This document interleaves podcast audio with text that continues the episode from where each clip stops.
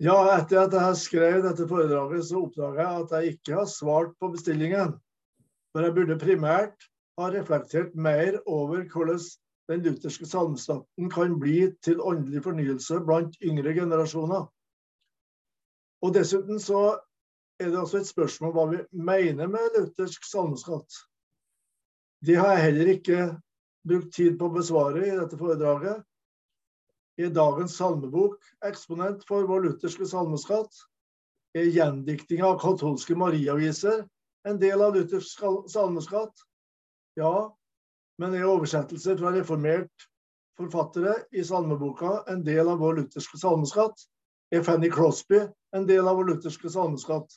Det er vel kanskje ikke meint sånn, men uh, den problemstillingen uh, lar jeg da ligge.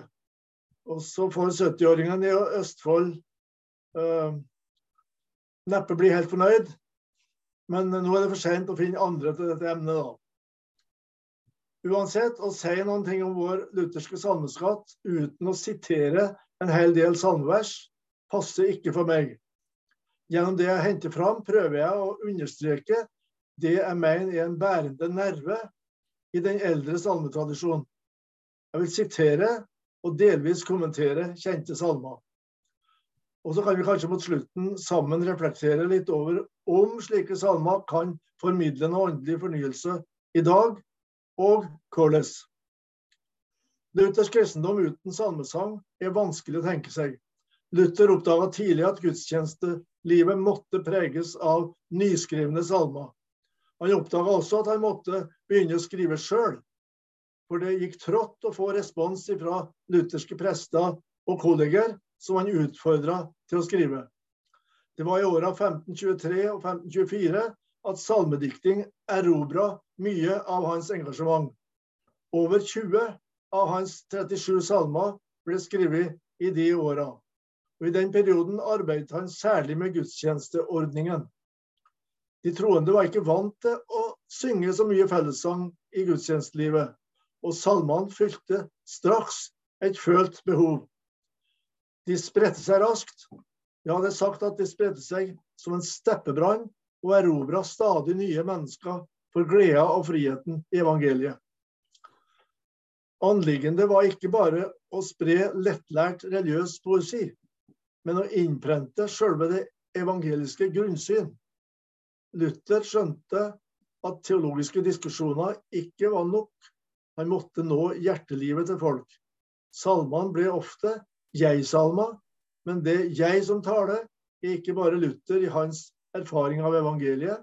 Det er den frigjorte kristnes jeg i fellesskapet, og tekstene skapte frigjorte kristne. Et sterkt eksempel på dette er salmen Non Freud, Euch lieben Christengemein. Nå kjære menige kristenhet. Og så begynner jeg å sitere. I djevelens vold jeg bundet lå, fordømt så var jeg til døde. Og mine synder, de lå meg på, jeg hadde stor angst og møde. Jeg sank og stadig dypere ned. Det var ei råd eller salighet, i synden jeg var unnfanget. Salmen uttrykker selve grunntanken i Luthers senere oppgjør med Erasmus fra Rotterdam om viljens frihet og bundethet. Kun angst og fortvilelse, død og helvete er utsiktene til det anfektede mennesket. Men ved dette absolutte nullpunkt står mennesket tomhendt og maktesløst. Der skjer det noe avgjørende. Og jeg leser videre. Guds sønn, han sagde, hold deg til meg, så skal du ei skade lide. Jeg giver meg ganske for deg hen, og stander for deg å stride. For nå er jeg din, og du er min. Og hvor jeg er, så tar jeg deg inn, og fienden skal oss ei skille. Mitt blod, det rinner på jorden ut, og livet, det må jeg miste. Det skjer til soning for deg hos Gud. På det skal du tro og trøste. Uskyldig lider jeg her din dom. Mitt liv, det kaster all døden om, og så er din frelse vunnet. Vi merker oss at Luther her, som ofte ellers, fletter sammen den objektive forsoningslæren om Kristi offer for våre synder, med kamp-seiermotivet, der hovedsaken er forløsningen fra djevelens, fiendens, makt. Og så veves også foreningen med Jesus inn i språket, gjerne fra høysangens brudemystikk. Du er min, og jeg er din. Det blir en del av Luthers uttrykksmåte. Så Luthers evangelieforkynnelse hadde denne bredden, forsoningen, der synden frakjennes og vi rettferdiggjøres uforskyldt, forløsningen fra djevelens onde og loviske innflytelse over hjertene, og foreningen med Frelseren selv, som bygger seg sin bolig i hjertet. En spansk karmelittermunk skrev det er ytterst forbausende hvor meget de sangene som i det tyske språk i hopevis er fløyet ut av Luthers verksted og blitt sunget i hus og verksteder, på torg, gater og marker, har bidratt til å forplante lutherdommen. Merk sangen også utendørs, ikke bare i kirkerommet. Når den slo igjennom, så begynte folk å synge i hverdagslivet sitt. En av Luthers samtidige salmediktere, vennen Paul Speratus, skrev salmen 'Guds sønn er kommet til oss ned'. Og Her tematiseres rettferdiggjørelsen på en tydelig måte. Guds sønn er kommet til oss ned fra høye himmelriket, fordi vi ingen råd oss vet der opp til ham å stige. Vår gjerning ei rettferdig gjør, men Kristus kommer lider, dør. Han har oss himmelen vunnet. Salmehistorikeren Skar siterer en som omtalte denne salmen av Speratus. Han skrev salmen er en enfoldig og grei forklaring av den fornemste artikkel i den kristelige lære, som rett forstått gjør Kristi ære herlig og stor og skjenker de troendes samvittigheter den fornødne og rikeligste trøst. På denne artikkel hviler alt hva vi lærer og lever mot paven, djevelen og verden. Ei stor dansk lærebok i hymnologi taler om fire dimensjoner ved salmesang. Jeg tenkte at det skulle gå an å vise fram det, men det gjelder kanskje ikke. Ser de det? Ja. Det er det poetiske, altså ordenes kunst og skjønnhet. De assosiasjonene ordene skaper. Det teologiske, tekstens evne til å uttrykke kristendom. Det folkelige, altså potensialet som menighetens svar på forkynnelsen. Og det musikalske, sammensmeltingen av ord, toner, rytme til kropp. Sånn skriver den eh, danske hymnologen. Det er ingen tvil om at alle disse fire dimensjonene samvirka og ble vinger for troens innhold og glede i område etter område, menighet etter menighet i Tyskland. Men hvor fort Luther-salmene også slo igjennom i Danmark, har vi et underlig eksempel på fra år 1550. Det var ca. 30 fiskere som forliste og lå på isflak i Øresund de skjønte at de kom til å gå under. Og en som overlevde, fortalte i ettertid hva som skjedde. Det var en fisker på et av isflaka som ropte ut La oss nå se om vi husker noe i Guds ord. Og så stemte han i en luthersalme som de huska fra liturgien. 29 personer sang seg inn i døden med luthersalmen på leppene. Det er da inntrykket en får etter han som overlevde og fortalte den historien. Luthers egne salmer var nøye utarbeidede tekster med et klart anliggende, er det sagt. I brytningstida, da katolske prester forsøkte å imøtegå lutherdommen fra preikestolene, er det flere eksempler på at kirkefolk så å si sang presten ned med luthersalmer, som betonte en evangelisk forståelse av Guds ord. Både Luther og andre var opptatt med å gjendikte Davidssalmer. Salmenes bok hadde allerede gjennom kirkehistorien hatt stor betydning for fromhetslivet. I begynnelsen tenkte faktisk Luther at de primært skulle gjendikte enkeltsalmer fra Salmenes bok. Og Da han skrev til Spiratus for å sette han i gang, så ga han Spiratus et eksempel på noe som han sjøl nettopp har laga, nemlig gjendiktingen av Salme 130. Av dypest nød jeg roper må, o Herre du meg høre. En sterk salme om synd og nåde. Som de vet, er også vår Gud, han er så fast en borg, en fri gjendikting av Salme 46. En annen kjent gjendikting for reformasjonstida er Johan Gramans tekst fra 30 over Salme 103. Min sjel lov Herren, og alt hva i meg er, Hans hellige navn. Min sjel lov Herren, glem ingenting av alt Hans gavn. Han som din synd utsletter og leger dine sår. Han som ditt liv oppretter når du til døden går. Han som ny kraft deg sender, gjør alderdommen ung. Han som det bær på hender når tiden faller tung. Den sang vi mye i min oppvekst. Og jeg husker Birgit Svindland på Fjellhaug stadig stemte i den ved matbordet. Så typisk for reformasjonstidens gjendikting av Davidssalmer er at evangeliske motiv fra NT spilles inn og gir oss en heilbibelsk sjelesorg i tekstene. Men nå må vi gjøre et sprang til den lutherske kirkes største salmedikter. Det er ikke Luther, men det er Paul Gerhardt. Døde i 1676. Gjennom Brorson og Landstad har vi fått oversettelser som er veldig gode, og som gir oss et sterkt inntrykk av Gerhardt som salmedikter. Han levde i krigstid. 30-årskrigen prega hans liv helt til han var passert 40 år. Og da han gifta seg som godt voksen, opplevde de at flere av barna de fikk, døde. Kona skrev gripende i familiebibelen om slike sorgtunge begivenheter i familien, og bekrefta den trosinnstillingen som vi finner i mannens salme Velt alle dine veier og all din hjertesorg på ham. En salme som i tillegg til sitt trygge innhold er skrevet som akrostikon. Førsteordet i hvert vers gjengir i rekkefølge orda i Salme 37 vers 5. Så det er poetisk kunst og sjelesorg i en og samme salme. Men gjennom det hele er selve evangeliet bærebjelken for Paul Gerhardt. I salmen 'Hvorledes skal jeg møte?' så skriver han følgende.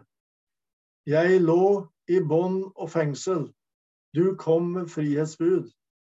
Jeg sto i spott og trengsel, da tok du meg til brud. For meg å få opphøyet, du tok min skyld på deg. Så blir hva tungt du pløyet, en evig høst for meg. Formuleringa som vi skjønner, vi som har vokst opp på, på gård. Enda mer seiersvis er den salmen som er kalt trosvisshetens salme nummer én. Er Gud for meg, så trede meg hva de vil imot. Her gjør Gerhard apostelorda fra Romerne 8 til sine egne, og så synger han Er Gud for meg, så trede meg hva de vil imot. Jeg kan i bønnens glede det felle under fot. Vil Gud meg gjerne høre, har Faderen meg kjær, hva kan meg Satan gjøre med all sin helvete her? Jeg tror åndelig fornyelse avhenger dypest sett av slike toner i forkynnelsen og i salmesangen.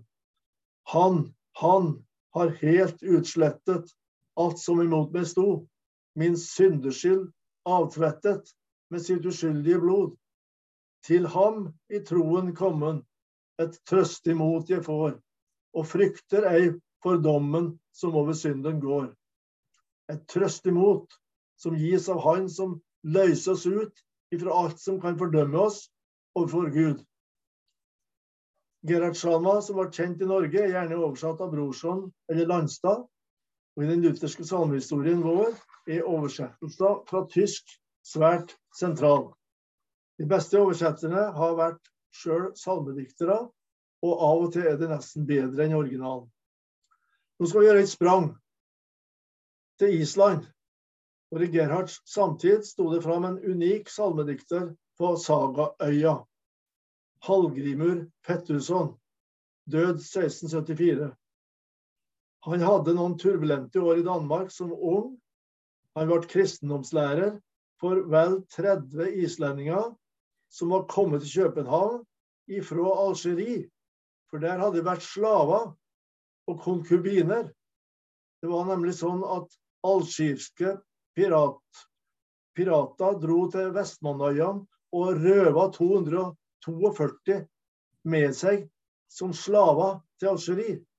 Og de kom da under sterk innsla, eh, islamsk innflytelse. Og så ble Hallgrimur, som var kommet til Danmark og var teologistudent, forelska i den tida han drev og underviste denne gruppen. For han skulle nemlig rekristne dem.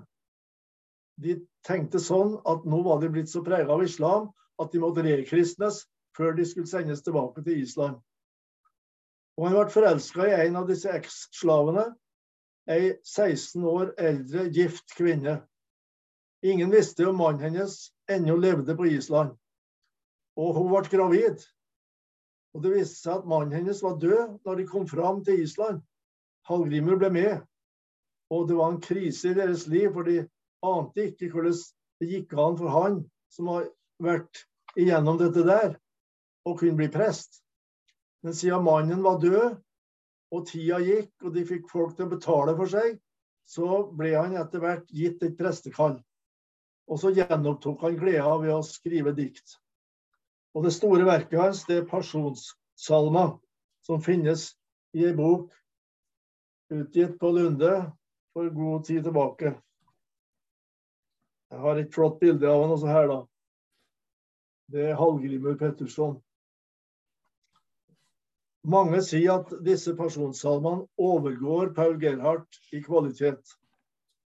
Jeg leste meg mer enn én en gang glad over eh, det, jeg fant i Harald Hopes oversettelse til nynorsk.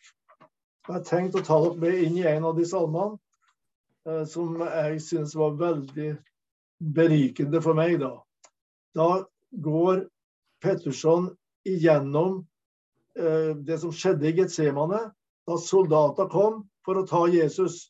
Og de spurte, og Jesus svarer, 'Det er meg'. Og da faller hele flokken av soldater til jorda, står det. Og så skriver Hallgrimur Petterson. Jeg skal å lese så de får det med dere. Da Jesus svarer 'Det er meg', sto Judas midt iblant deg. Så sterke var Vår Herres ord at alle styrta straks til jord. De ord som skremte aller best, eh, mest, er ord som trøystar aller best. Til disse ord min sjel er fest. Nå så jeg skjell og snåvar her, på Herrens vreide. Redd meg, jeg. Da sier Jesus, det er meg som kjærleg atterløste deg. I pine stor gav jeg mitt blod, og vreien hans for det Gud sto. I Han jeg nå frifunnen er. Når samvittet og djevelen meg kaller store syndere, da sier Jesus, det er meg som synda di bar bort fra deg. Lik vinden som driv skodda vekk, av meg du full tilgjeving fikk. Tru meg og vær frigjeven. I døden og på dommedag er trøsta mi de ord du sa. Ja, nett det er meg som leier deg på himmelveg for du skal være der jeg er. Det lova du meg, Jesus kjær, med fred og glede dit jeg fer. Dette er grunntonen i mange av disse salmene. Og de brukes i islandsk radio eh, hver dag 50 dager, fra 50 dager før påske og fram til påske. Også dette året, ifølge en organist.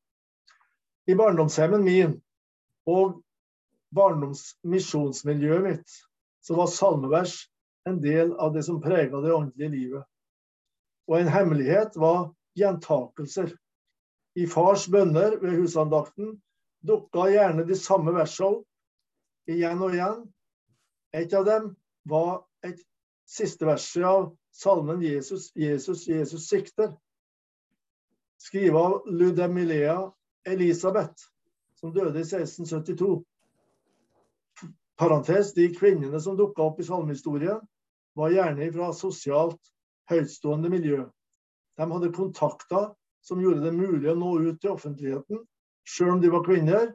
Tenk bare på prestedattera Lina Sandell, da, som det største eksempelet. Men far gjorde altså ofte Ludemilea Elisabeths ord til sine. Jesus, det er mer enn meget at jeg deg til gave fikk. Ta mitt hjerte som ditt eget, sett det i den rette skikk, så jeg alltid glad og mild roper Herre som du vil.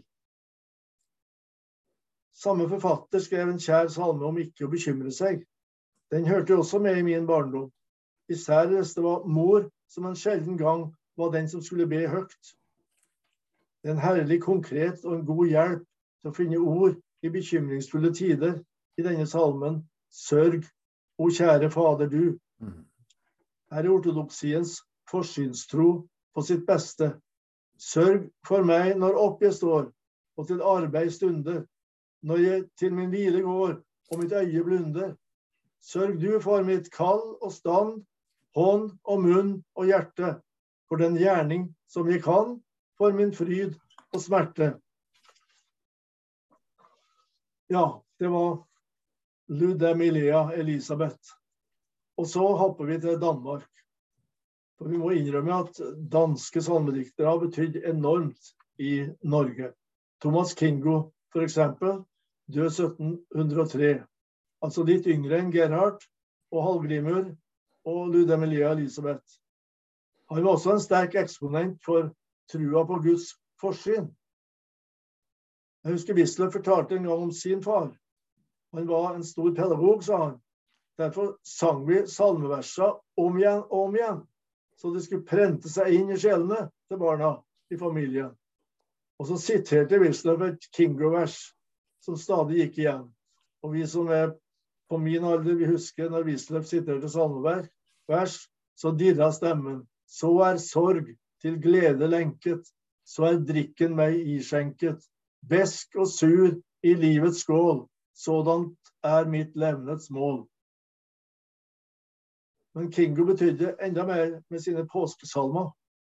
I en pasjonssalme predikantene i min barndom ofte siterte, heter det Her er Han som vil løse hver syndebunden trell. Her er han som vil øse trøst i hver bange sjel. Den salmen Se hvor nå Jesus treder. Og hvem av oss stemmer vel ikke gjerne i Skriv det Jesus på mitt hjerte? Og fortsatt er det mange miljø i Norge som, som uh, bruker den salmen. Det ene verset av en 29, lang, 29 vers lang personsalme. Skriv det Jesus på mitt hjerte. Du min konge og min Gud at ei lyst, ei heller smerte, deg formår å slette ut.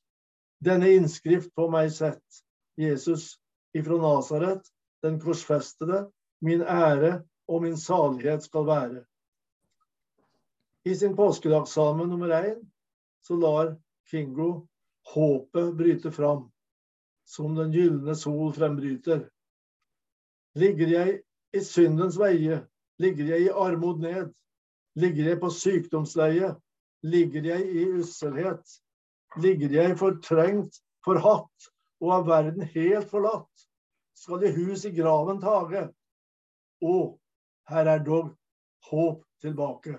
Synd og død og alle piler som av Satan skytes kan, ligger brutt der du fikk hvile, hist i gravens mørke land.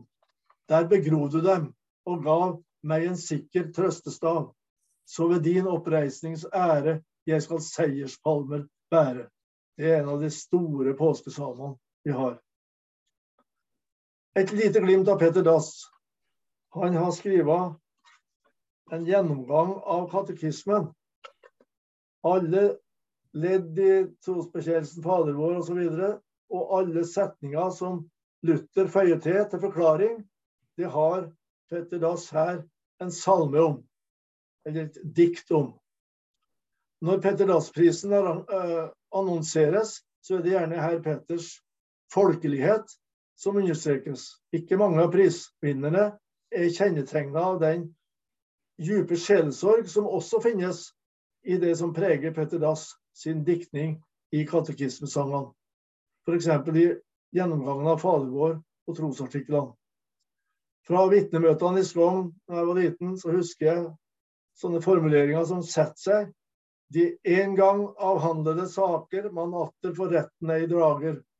Ei heller i Skriften befales at gjelden skal to ganger betales. Det var Petter Dass. Ved bestefars begravelse henta mine foreldres generasjon fram en salme fra overgangen mellom ortodoksien og pietismen. Johan Andreas Rotes salme 'Nå har jeg funnet det jeg grunner' fra 1722. Den passa veldig godt på min bestefar når han skulle vitne om hvordan han kom til tro.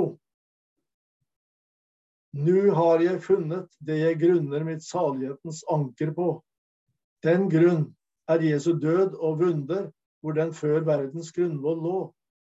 Det er, den, det er en grunn som evig står, når jord og himmel selv forgår. For 14 år siden var jeg på Finnøy, og uh, i en tale så refererte jeg til Brorsonsalmen 'Guds sønn har gjort meg fri'. Og Jeg siterte første verset, og ikke bare siterte det, men de ble med og sang det, eh, ryfylkingene der, uten tonefølge. Og de kjenner til den, eh, det verset 'Guds sønn har gjort meg fri' fra Satans tyranni, fra syndestand, fra lovens bann fra dødens skrekk og helvedbrann. Sånn er ingressen til verset. En femfoldig frihet. Min Jesus lagde seg mellom Gud og meg, seg undergav min syndestraff til smerte, død og grav.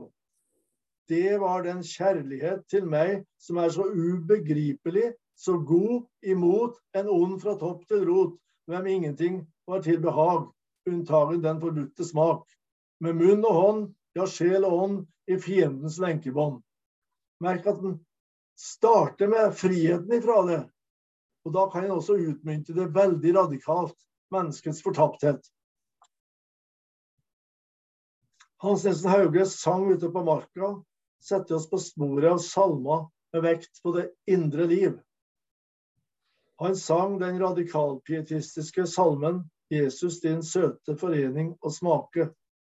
Teksten er trolig av en viss Allendorf. Styrk meg rett kraftig i sjelen her inne, at jeg kan kjenne hva ånden formår. Brorson har, denne dimensjon, har denne dimensjonen svært tydelig med i mange av sine salmer. En frelsende tro uten alvorlig hengivelse til Jesus og hans ord finnes ikke. Den tro som Jesus favner, er sterk og må all verden undertrede. Ja, nå har jeg ikke veldig mye, mye igjen, men uh, litt. Birgitte Katrine Boje hun levde litt senere enn uh, brorson. Døde i 1824. Hun skal få sette oss på sporet av et viktig tema. Høytidssalmer. Og salmer til kirkeårets ulike tekster. Boje skrev i en periode da Kingos salmebok etter manges mening sto for fall. De ville ha salmebøker som svekka de sterkeste uttrykk for gammeldags kristendom. To sentrale salmebøker ble til i denne perioden. Gullbergs salmebok og Evangelisk kristelig salmebok.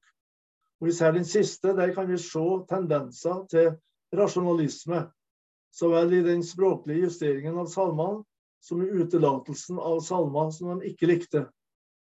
Noen av Birgitte Boyes tekster er kjernesalmer og må absolutt leve videre. En frelser er oss født i dag. Det er julens høytidsvers. Han er oppstandens store bud. Min Gud er en forsonet Gud. Det er påske, påskens høytidsvers. Og O lue fra Guds kjærlighet. Det er pinsens høytidsvers. Vi kan heller ikke helt uh, uh, ha dette emnet uten å nevne Grundtvig. Han døde i 1872, så han levde da stort sett på 1800-tallet. Flere av hans salmer er diktet over enkelte episoder i frelseshistorien. det var også en dimensjon ved den lutherske salmesangen at de ønska at bibelfortellingene skulle avspeiles i en del av salmene. Deilig er den himmel blå, det kimer nå til julefest. Der har vi Davidsbyen Betlehem. Og apostlene satt i Jerusalem, så konkret, rett inn i episoden. Han har ofte original billedbruk som gjør at vi må gruble litt mens vi synger. Og han har ofte fokus på kirka og sakramenter. Det ble jo hjertesaken for Grundtvig i hans dikting. Vidunderligst av alt på jord, og kirken den er et gammelt hus. Dette var bare smakebiter fra den eldre lutherske salmeskatt. Før jeg trekker inn noen momenter til samtale, så vil jeg avslutte med tre salmediktere fra Norge. To fra 1800-tallet og en fra 1900-tallet. Trønderen, trønderen Johan Nordahl Brun, død 1816. Han etterlot seg en unik påskesalme som er kalt høydepunktet i norsk salmedikting. Den er som meisla i fjellet. Jesus lever, graven brast. Han sto opp med guddoms velde. Trøsten står som klippen fast, at hans død og blod skal gjelde. Lynet blinker, jorden bever, graven brast, og Jesus lever. Det er lett å lære utenat, og det blir med oss når vi har lært det. Og de to setningene i midten om trøsten i det som skjedde. Det er stort å holde fram på en påskedag. Elias Blix burde hatt et foredrag for seg sjøl. Han er den som kristna nynorsken. På skolen sang vi hans morgen- og kveldssalmer. Jeg siterte to av dem på Finnøy den gangen jeg var der nå for en stund tilbake.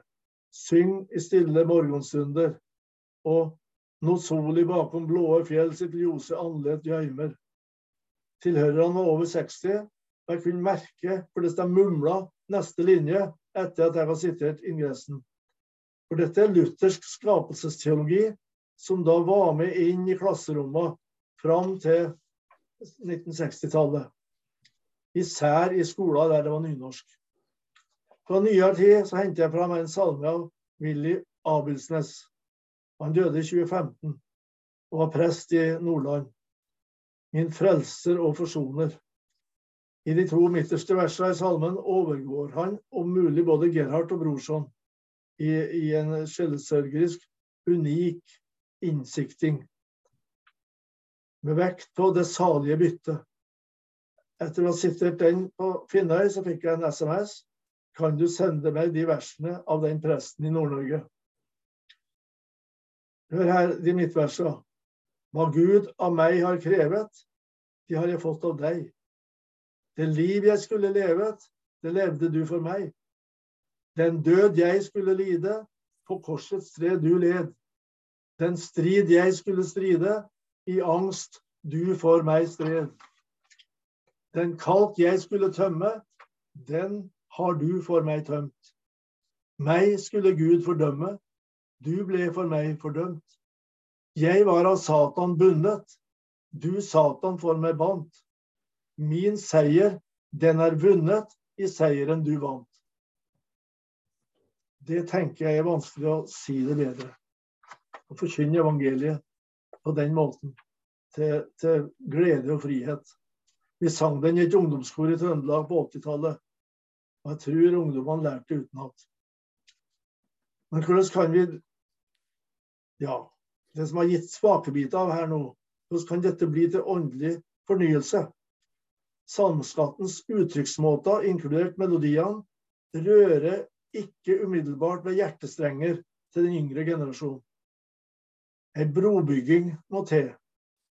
Og her er fem dimensjoner i det kristne ungdomsmiljøet sin kultur, som jeg tenkte å bare vise fram. Ser du den?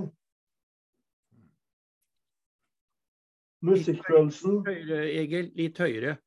Sånn. En, ja. Nå, nå, ser vi den. Nå ser vi den. Nå ser vi den. Ja, fint. De fem ja. En en litt høyere. Litt høyere. Vi ser bare fire nå. Ja. Der. Sånn, der har vi den. Ja. Der har du den. Ja. Musikk, poesi, kunnskapsnivå, sangens funksjon og globaliseringen. Hvis vi er på et ungdomsarrangement i Kristen-Norge nå, Ungdommens landsmøte f.eks., så vil vi straks ane de dimensjonene der i den kulturen som har innflytelse i, i miljøet. Og Da blir det spørsmål hvordan skal vi nå fram med luthersk orienterte salmer som eh, ikke er en del av det som de synger per i dag. Jeg har sjøl forsøkt meg i visse sammenhenger å ta fram som utfordring å sitere i preiker salmevers og gjengi dem på skjermen og utdype dem i forkynnelsen.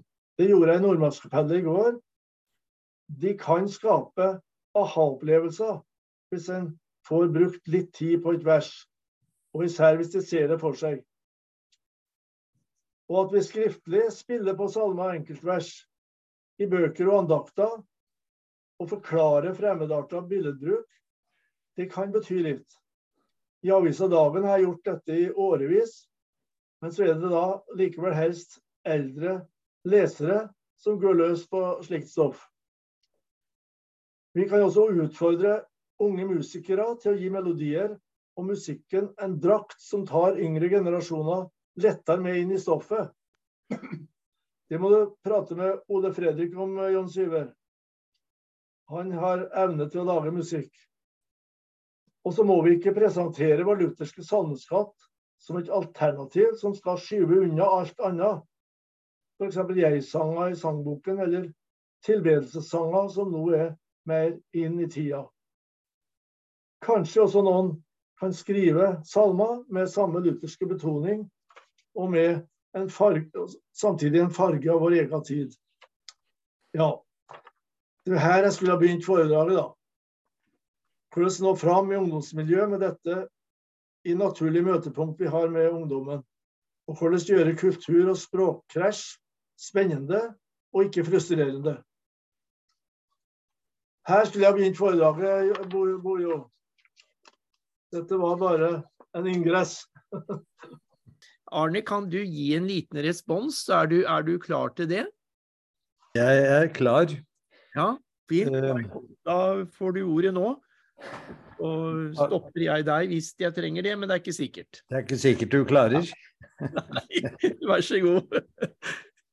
Eh, takk skal du ha, Egil. Du har tatt oss med på en lang reise, og du har Eh, eh, vært svært så enig med Landstads eh, salmeprogram når han starta opp med sin salmesamling. Da hadde han jo som motto at hele kristenheten skulle synge med, og altså hele kirkehistorien skulle være med i det som skulle bli Landstads salmebok. Eh, og det er jo et eh, kjempeviktig poeng på en måte å se sammenhengene. Jeg kan jo skynde meg å si at, eh, at jeg syns det var helt unødvendig at Åge Samuelsen skulle trekkes inn i den nye salmeboken. Og der kommer jo, som dere vet, den inn og 'Jesus, du som fyller alt i alle'. Den hadde jeg aldri satt opp til sang her i Bamble. Men eh, etter noen år så ser jeg jo at det er en, eh, en sterk salme med, eh, som hører hjemme i kristenheten. Samme hvor mye surr og rør det var rundt forfatteren. Så vi lærer litt hele veien, syns jeg nok, i livet. Og ja, vi, vi, mister mye også. Så takk skal du ha for at du fikk fram det hoved Eh, hovedlinja så tydelig som du fikk hele veien. Og eh, som eh, litt ære til Vi æra jo i går en del, så vil jeg da også si sånn som er ære til en trønder nå, så vil jeg jo ta et vers av den du nevnte, Nordahl Brun.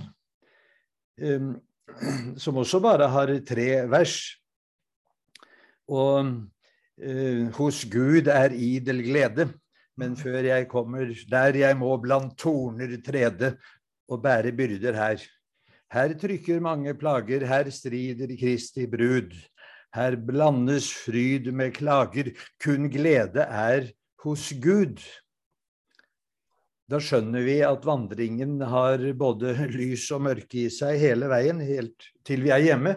Og så åpnet Bojo på, eh, med den hovedsalmen eh, i eh, salme 46, som jo er grunnlagssalmen under, under Luthers 'Vår Gud, han er så fast en borg', som jo vi tre er gamle nok til å ha fått med oss fra barneskolen, alle fire vers. Og der ser vi også nettopp hvordan altså eh, tryggheten midt i alle skiftingene ved troen for Kristi skyld bærer oss eh, igjennom og like hjem. Men i den sammenhengen har jeg lyst til å kanskje antyde at jeg har begynt, syns jeg, å oppdage litt på mine eldre dager at den måten som eh, Salme 46 brukes på i vår Gud, han er så fast en borg, og med, med alle disse destruktive fordervsmaktene, med djevelen i spissen, som på en måte har tapt skikkelig og grundig, så brukes vel faktisk der i Salme 46, hvor det står at uh, fjellene skal vi se Der står det at eh, fjellene skjelver når havet reiser seg. Og det er, eh, det er jo nettopp den destruktive trusselen i den store metafysikken. Mens det i Salme 90 er tale om den nye sang. Og den nye sang var jo også et grunntema i Luthers salmeskrivning. Der går det fram at elvene klapper i hendene. Da har vi liksom jeg på å si det løse og ledige. Og, og, og, der står det om trærne som danser i skogen, eller var noe omtrent sånn. Så der har vi liksom den eh, litt løsslupne jubelen. Mens uh, det, i Salme 46 er det ja, de vanskelige livsvilkårene vi har å leve under.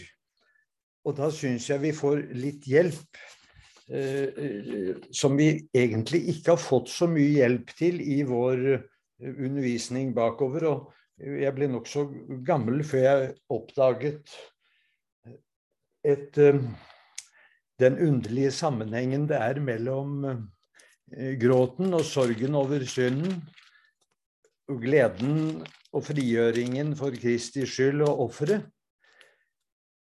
Når vi ser framover og hjemover, så får vi jo se rett inn i den andre siden. Og nå leser jeg tre vers fra åpenbaringsboken, eh, kapittel, eh, kapittel 6.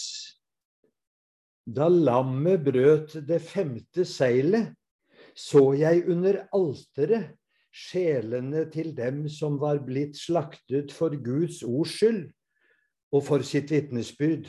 De ropte med høy røst, Herre du hellige og troverdige, hvor lenge vil du vente før du holder dom og lar, og tar, og lar straffen for vårt blod komme over dem som bor på jorden? Da fikk hver av dem en hvit kappe, og det ble sagt dem, at de skulle holde seg i ro enda en liten stund til tallet på deres medtjenere og søsken som skulle bli drept slik som dem, når det tallet var fullt.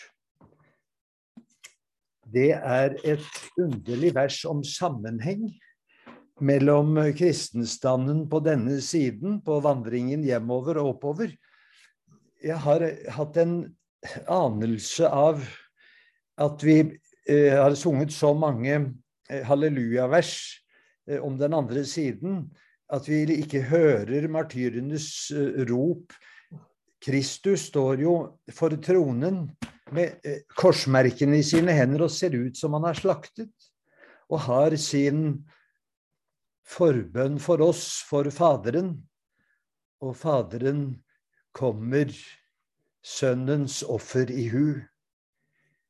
Og der ligger det på en måte en hemmelighet som hjelper oss til å tåle mye og til å holde ut og til å glede oss veldig eh, til å komme igjennom. Men, der er altså eh, Lovsangen har ikke en sånn art enda på den andre siden av død og grav at det ikke er smerterop ved den. Det er kyrierop eh, om den. Og så fikk de hvite kapper så lenge, og dere må være tålmodige og holde ut enda en stund. Og så skal dere feire, enten vi da skulle kalle det møter eller messer, det bryr jeg meg ikke så mye om. Bare innholdet får være der, og de, de bibelske visjonene for uh, spenningene er der. Ja, det kan være det, det, jeg, tror det, jeg, jeg, tror vi kan, kan, greie oss med det. Men ja, du var innom salme Paul Per Gerhard også. Det å synge eh, Det er vel 16-17-18 vers i originalen. Og, og eh, meditere over de eh, til Det er jo hele rombrevet 8. Da har, vi, da har vi stoff til, til vandringen. Mm. Og til preiker. Ja. Ja, fint, Arne. Eh, flott. Arne Lund eh, i Bamble, som han sa. Eh, da lurer jeg på jeg, må, når, jeg, jeg må, når jeg var innom uh, han, bergensbiskopen fra Trøndelag, så møtte jo Nei, nå, nå, tuller jeg. Det var ikke den, men det var, det var, det var Kingo når vi starta på praktikum med Utnem i 72, så hadde han vel hatt eh, to eller tre forelesninger. Og så gikk han rett inn i 511 eh, til Kingo. Nu bør ei synden mere med makt og herredom ut i vårt kjød regjere, men daglig kastes om.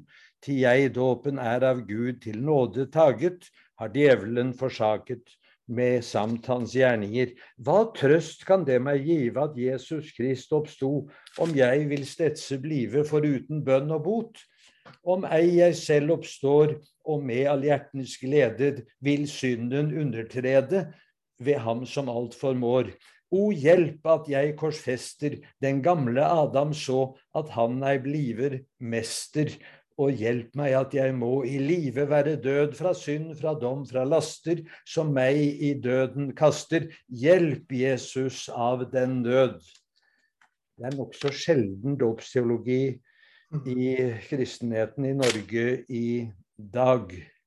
Men de unge må vi egentlig, tror jeg, ta fatt i eh, på en måte ved å, å hjelpe de å gjenreise metafysikken.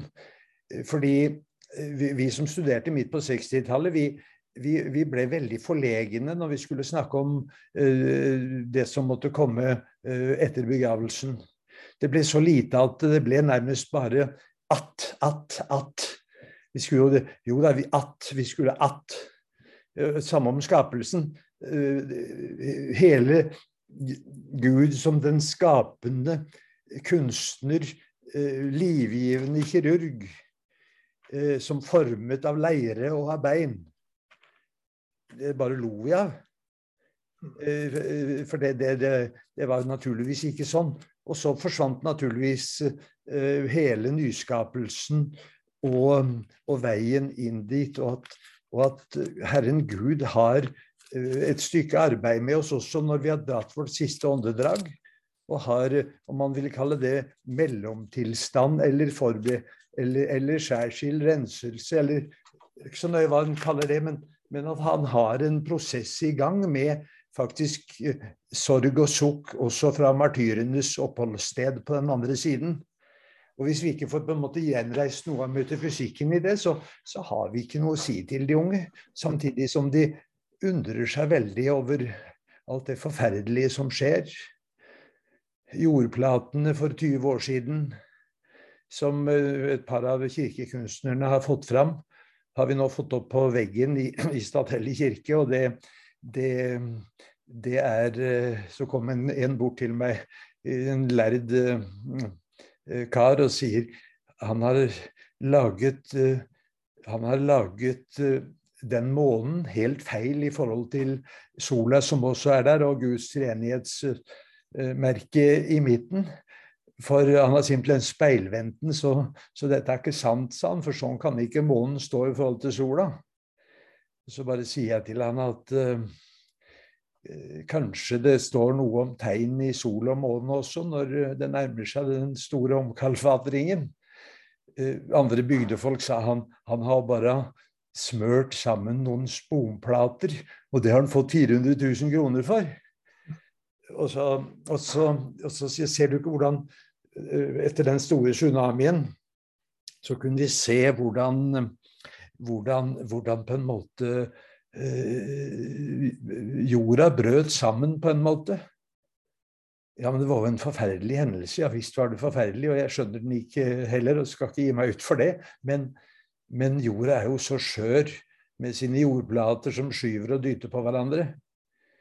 Så, så, så, det er mulig, tror jeg, også la unge mennesker å skjønne at uh, bibelhistoriens uh, sterke uttrykk de er veldig nære når vi tør å løfte det opp. Men vi som fikk 60-studiet vårt på 60-tallet, vi fikk ingen god hjelp eh, til å ta opp en lødig bibelgruppe. Der var noen av emissærene bedre enn prestene.